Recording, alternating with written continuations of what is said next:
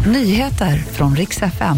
Nytt kökaos på vägarna i natt. Trafikanter fast i fyra timmar. Och de är bäst när det gäller pristagarna från gårdagens idrottsgala.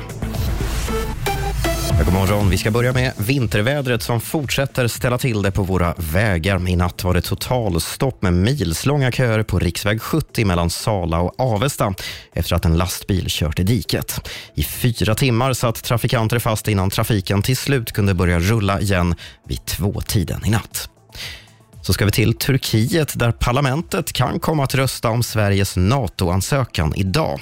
Det här rapporterar Bloomberg och hänvisar till en källa inom regeringen.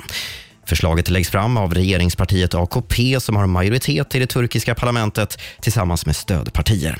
Turkiet är ju tillsammans med Ungern de enda medlemsländerna som ännu inte har ratificerat Sveriges ansökan till Nato.